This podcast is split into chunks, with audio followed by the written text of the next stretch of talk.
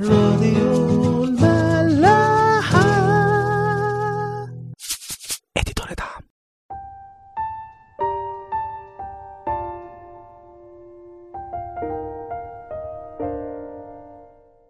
أهلا بيكم في عيش وملح. امبارح كنا بنتكلم على إن يونسان راح لداوود وهو هربان عشان يشدده ويشجعه. وفكر داوود بوعود ربنا ليه إنه هيبقى ملك على إسرائيل.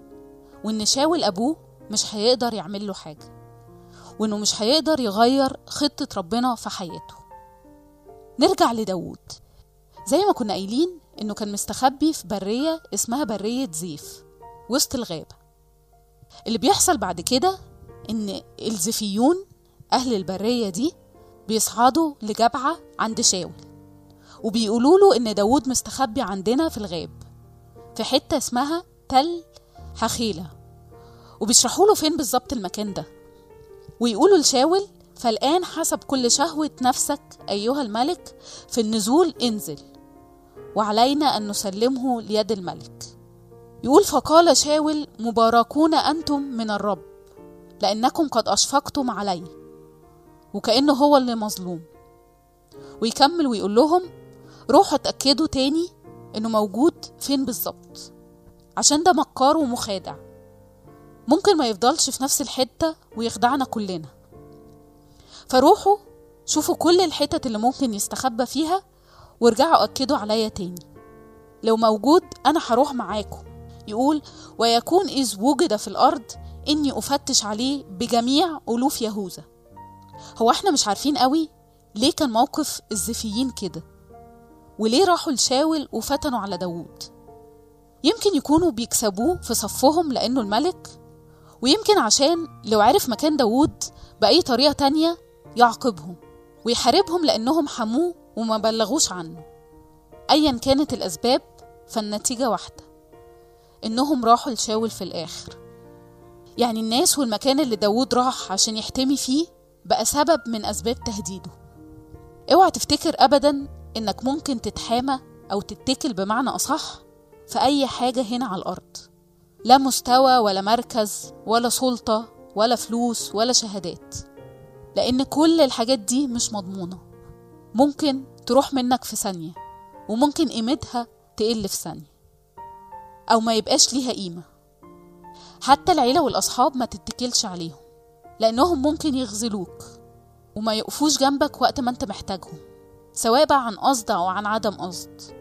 مهما كانوا كويسين معاك هما نفسهم ممكن يتاخدوا منك في أي لحظة ويروحوا السما.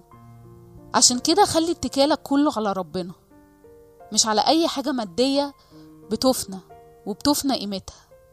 ربنا الوحيد اللي ثابت مش بيتغير.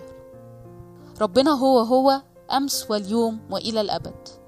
ربنا الوحيد اللي بيدي وهو مش مستني أي حاجة عشان تردها له. يعطي بسخاء ولا يعير. لا يعير يعني ما بيوزنش الحاجة وهو بيديها. بيديها بفيض وبزيادة. يشبع كل حي رضا. ما تتكلش على حاجة أو حد لأن ربنا هو اللي بيقدر يعمل أي حاجة. بيرد حق المظلوم وبيرفع المتضع وبينصر الضعيف. لو متكل على أي حاجة أو حد ومتسند عليه ممكن تلاقي الحاجة دي اتهزت في أي وقت. ووقت ما تتهز انت هتقع. الكتاب يقول العكس على المتكلين على ربنا. يقول المتوكلون على الرب مثل جبل صهيون لا يتزعزع إلى الأبد. عشان كده خليك ثابت على حاجة ثابتة وانت عمرك ما هتقع. خلونا نكمل قصتنا. بيرجع الزفيون بعد مقابلة شاول وبيشوفوا داود فين بالظبط؟ وبيلاقوه هو ورجالته في برية معون في السهل. الكتاب بعدها بيقول إن شاول ورجالته بينزلوا للتفتيش عن داود وعشان كده لما داود عرف نزل وأقام عند برية معون. وشاول لما عرف مكانه الجديد تبعه للبرية دي. شاول كان عند جنب من الجبل وداود ورجالته عند الجنب التاني. داود طبعا حاول يهرب بس شاول حوطه هو ورجالته من ناحيتين. ما بقاش فيه أي مفر. أي حد هيشوف المنظر ده وشاول عامل زي كماشة على داود يقول خلاص أكيد داود مش هيعرف يهرب وأكيد شاول هيمسكه. بأي تفكير طبيعي هنلاقي إن مفيش مفر وإن داود متحاصر من كل ناحية. بس ربنا كان عنده كلام وتصور تاني. وشاول محاصر داود وتقريبا أو أكيد منتصر عليه. رسول بيجي لشاول ويقول له اسرع واذهب لأن الفلسطينيين قد اقتحموا الأرض. بعد كده شاول هو اللي بيضطر يسيب داود الكتاب بيقول فرجع شاول عن إتباع داود وذهب للقاء الفلسطينيين. بيمشي شاول وبيفلت داود من موت أكيد ويروح يقيم في حصون عين جدي. باين قوي لكل الناس اللي في القصة ولينا كمان إنه ما كانش فيه أي مفر أو خلاص لداود زي شعب إسرائيل كده وقت هروبه من أرض مصر.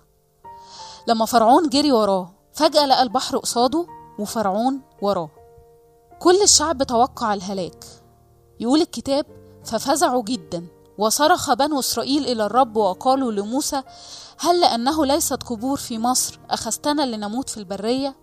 رد موسى كان لا تخافوا قفوا وانظروا خلاص الرب الذي يصنعه لكم اليوم. فإنه كما رأيتم المصريين اليوم لا تعودون ترونهم أيضا إلى الأبد. الرب يقاتل عنكم وأنتم تصمتون. كتير قوي إحنا بنقف في موقف داود وفي موقف شعب إسرائيل. بنبقى واقعين في مشاكل وتجارب كتيرة وكبيرة جدا. ما بيبقاش منها أي خلاص أو مفر. زي ما مزمور ثلاثة بيقول كثيرون يقولون لنفسي ليس له خلاص بإلهه. إحنا نفسنا بنقول لنفسنا كده مفيش أمل ولا فايدة متقفلة من كل ناحية استحالة شيء يتغير. بس ده تفكيرنا إحنا البشري. اللي عمره ما هيوصل لتدابير ربنا. إحنا بنظلمه معانا. بنقول إن مفيش حل. وكأننا بنقول لربنا إنه غير قادر على خلاصنا.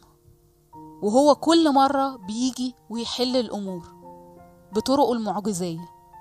شاول اللي كان كل يوم بيدور على داوود علشان يقتله هو اللي بيمشي وبيسيبه. بعد ما كان خلاص في إيديه البحر بيتفتح قدام شعب إسرائيل وبيمشوا في وسطه وفرعون بيغرق بجنوده. كون واثق إن اللي حصل مع داوود ومع شعب إسرائيل ده مش بعيد عنك. وحصل وبيحصل وهيحصل معاك أنت شخصيا ومعايا ومع كل واحد فينا.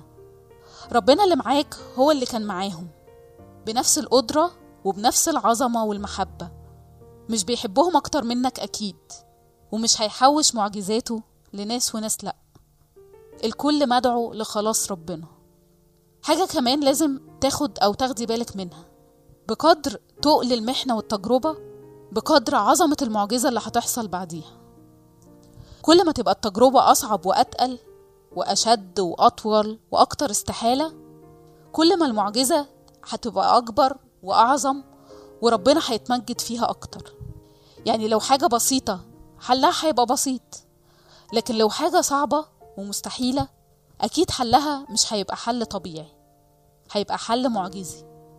زي ما بولس بيقول في رسالة روميا إصحاح 8 إن كنا نتألم معه لكي نتمجد أيضا معه. المجد مش هيجي إلا لو كان فيه تجربة وألم. وربنا خلاك تنتصر عليهم الكلام ده ممكن يبان خيالي أو مثالي لناس كتير. وممكن قوي حد برضه يكون بيفكر ويقول المعجزات دي موجودة فعلا لكل الناس بس مش ليا أنا. ربنا بيقول لا يدعكم تجربون فوق ما تحتملون ولكن يعطي مع التجربة المنفذ. برضه حد ممكن يفكر ويقول المنفذ ده لكل الناس لكن مش ليا أنا. بس الحياة المسيحية مش كده. حياتك أنت الروحية مش ممكن تقوم بس على خبرات الناس التانية. آه طبعا كلنا ممكن نستفاد من خبرات بعض ونرفع بعض بيها. بس إيمانك وثقتك بربنا وبإيديه المعجزية وقدرته أكيد مش هيبقى كامل لو ثابت بس على خبرات الناس. أنت اللي لازم تختبره وتدوقه تتخانق معاه لو عايز تقوله زي ما داود كان بيقول دايما أنت فين؟ سايبني لوحدي ليه؟ حقك حقك عشان أنت ابنه. والابن ليه كل خيرات الآب.